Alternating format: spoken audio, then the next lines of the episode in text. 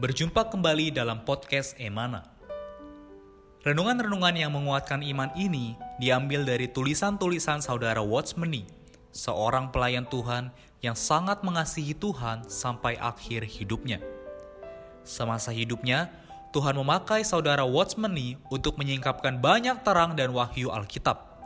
Di antaranya adalah mengenai salib, mengenai Kristus sebagai hayat, juga mengenai kesatuan tubuh Kristus.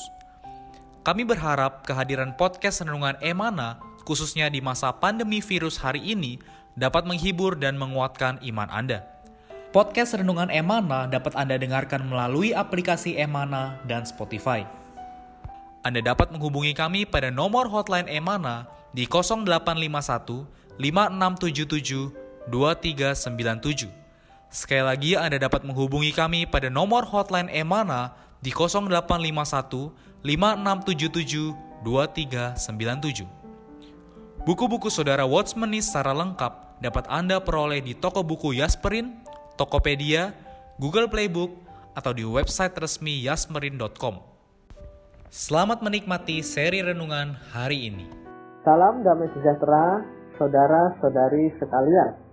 Saudara-saudari pendengar podcast Emana, Syukur kepada Tuhan kita bisa kembali lagi membahas renungan firman Tuhan hari ini.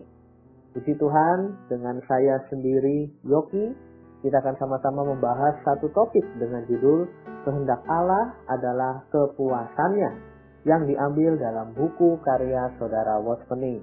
Baik, untuk itu kita langsung saja berbincang bersama narasumber kita. Halo, saudara Henry, bagaimana kabarnya saudara? Puji Tuhan, Saudara Yuki, saya baik-baik saja. Amin. Amin. Puji Tuhan. Ya. Nah, di sini dikatakan di dalam Yohanes pasal 6 ayat 38, sebab aku telah turun dari surga bukan untuk melakukan kehendakku, melainkan kehendak Dia yang telah mengutus aku.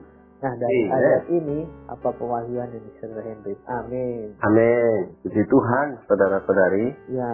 Eh di awal kitab Yohanes dalam permulaannya pasal 1 hmm. kita melihat bahwa Tuhan Yesus adalah firman Allah hmm. yang berinkarnasi menjadi manusia.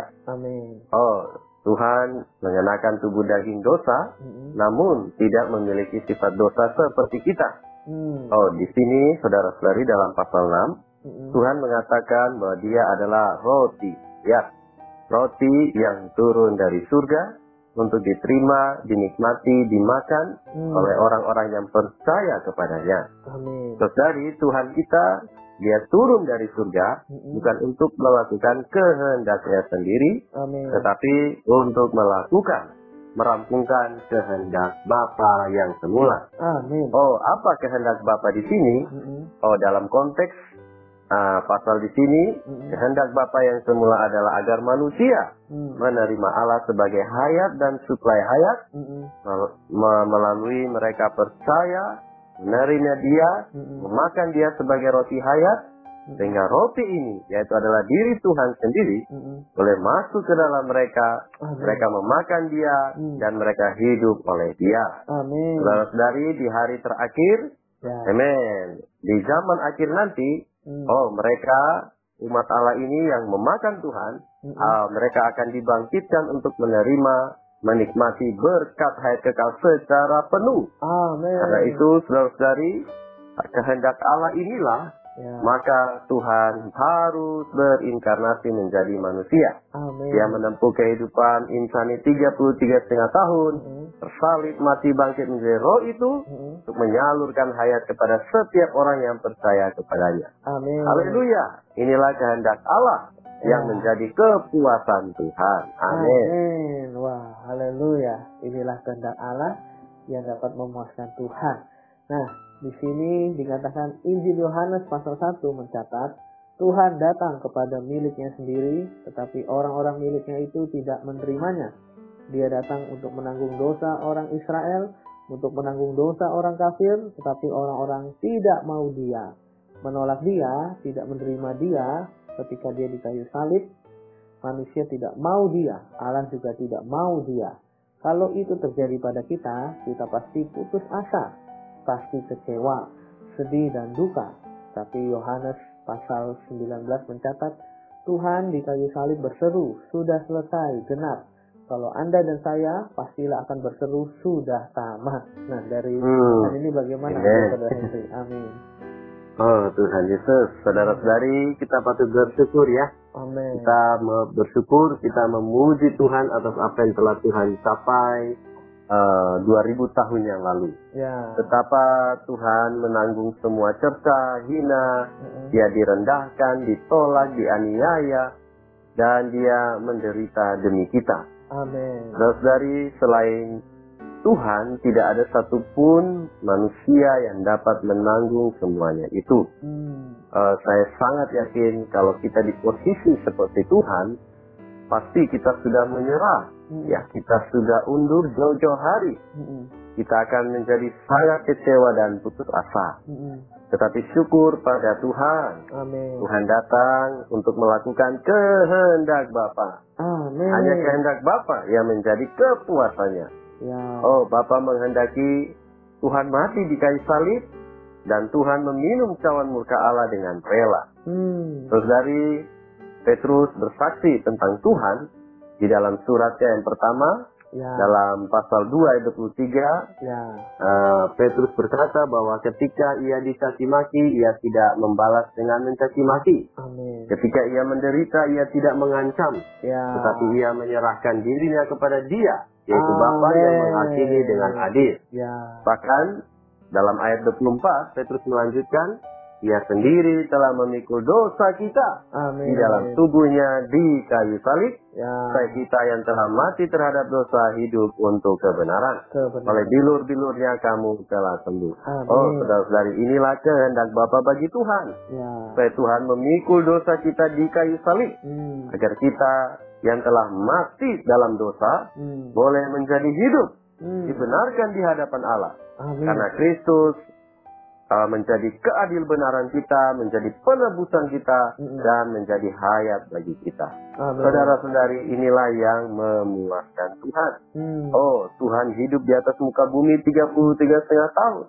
Dia hanya melakukan kehendak Allah. Amin. Kehendak Allah adalah kepuasan Tuhan. Hmm. Saudara-saudari, bahkan Tuhan berkata kepada murid-muridnya di dalam Yohanes 4 ayat 34, hmm. bahwa makanannya adalah melakukan kehendak Bapa dan menyelesaikan pekerjaannya. Hmm. Amin. Amin. Puji Tuhan. Wah, Tuhan ada teladannya semasa Tuhan hidup dia hanya untuk melakukan kehendak Bapa. Amen. Di sini dikatakan seumur hidupnya dia mengambil Allah sebagai kepuasannya. Terhadap dunia ini, sedikit pun dia tidak menaruh pengharapan, juga tidak mengharapkan sesuatu dari manusia. Dia hanya mengharapkan Allah dan hanya Allah yang menjadi kepuasannya. Sumur hidup Tuhan, ia selalu mengambil kehendak Allah sebagai kepuasannya. Allah lah kepuasannya. Sebab itu, bagaimanapun berubahnya manusia, perkara-perkara dan benda-benda dalam dunia itu tidak bisa membuat dia putus asa. Barang siapa menerima Allah sebagai kepuasannya, dia tidak akan pernah putus asa. Kita seharusnya tidak menaruh sedikit pun pengharapan terhadap orang dunia. Tidak mengharapkan barang, nama, kemuliaan, bantuan, hiburan, tunjangan, dan lain-lain dari orang dunia. Jika demikian kita selamanya tidak akan haus. Nah dari penulis bagaimana? Saudara Henry. Amin. Ya, saudara-saudari, amin. Ya, tunggu ya kiranya perkara ini boleh menjadi doa kita.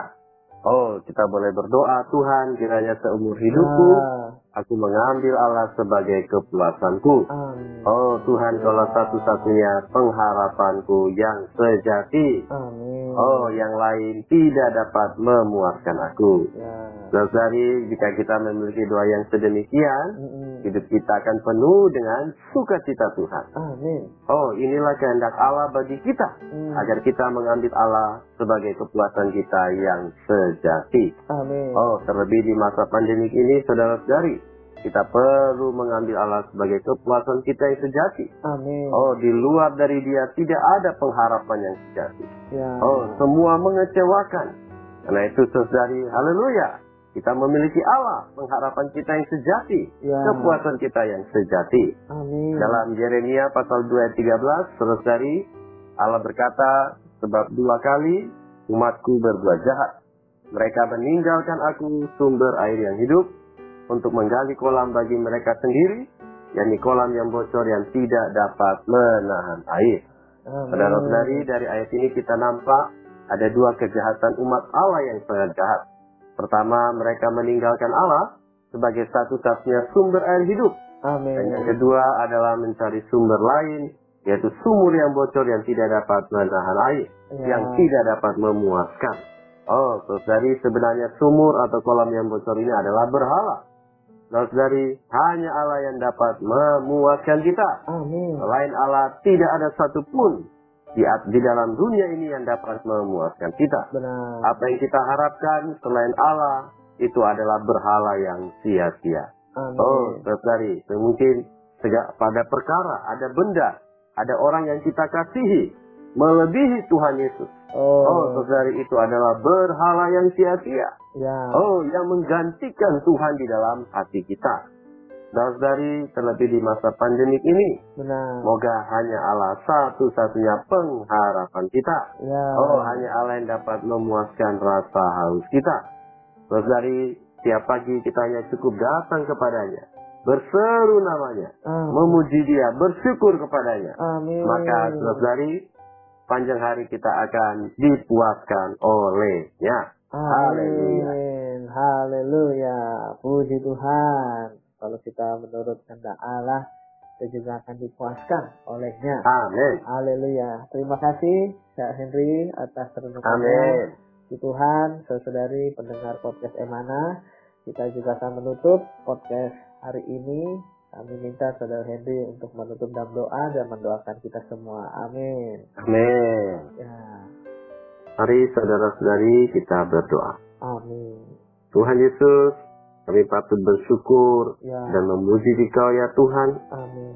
Oh Tuhan, atas apa yang telah Kau rampungkan 2000 yang tahun 2000 tahun yang lalu bagi kami. Benar. Menanggung semua cerita hina, Amin. direndahkan dan dianiaya, menderita bagi kami. Ya. Oh Tuhan Yesus, kau memikul Oh kehendak Allah Amin. meminum cawan murka Allah dengan rela bagi kami Amin. agar kami boleh menerima Allah sebagai hayat kami Amin. sebagai suplai hayat kami sebagai segala sesuatu kami Ya. Lalu kami percaya menerima dikau.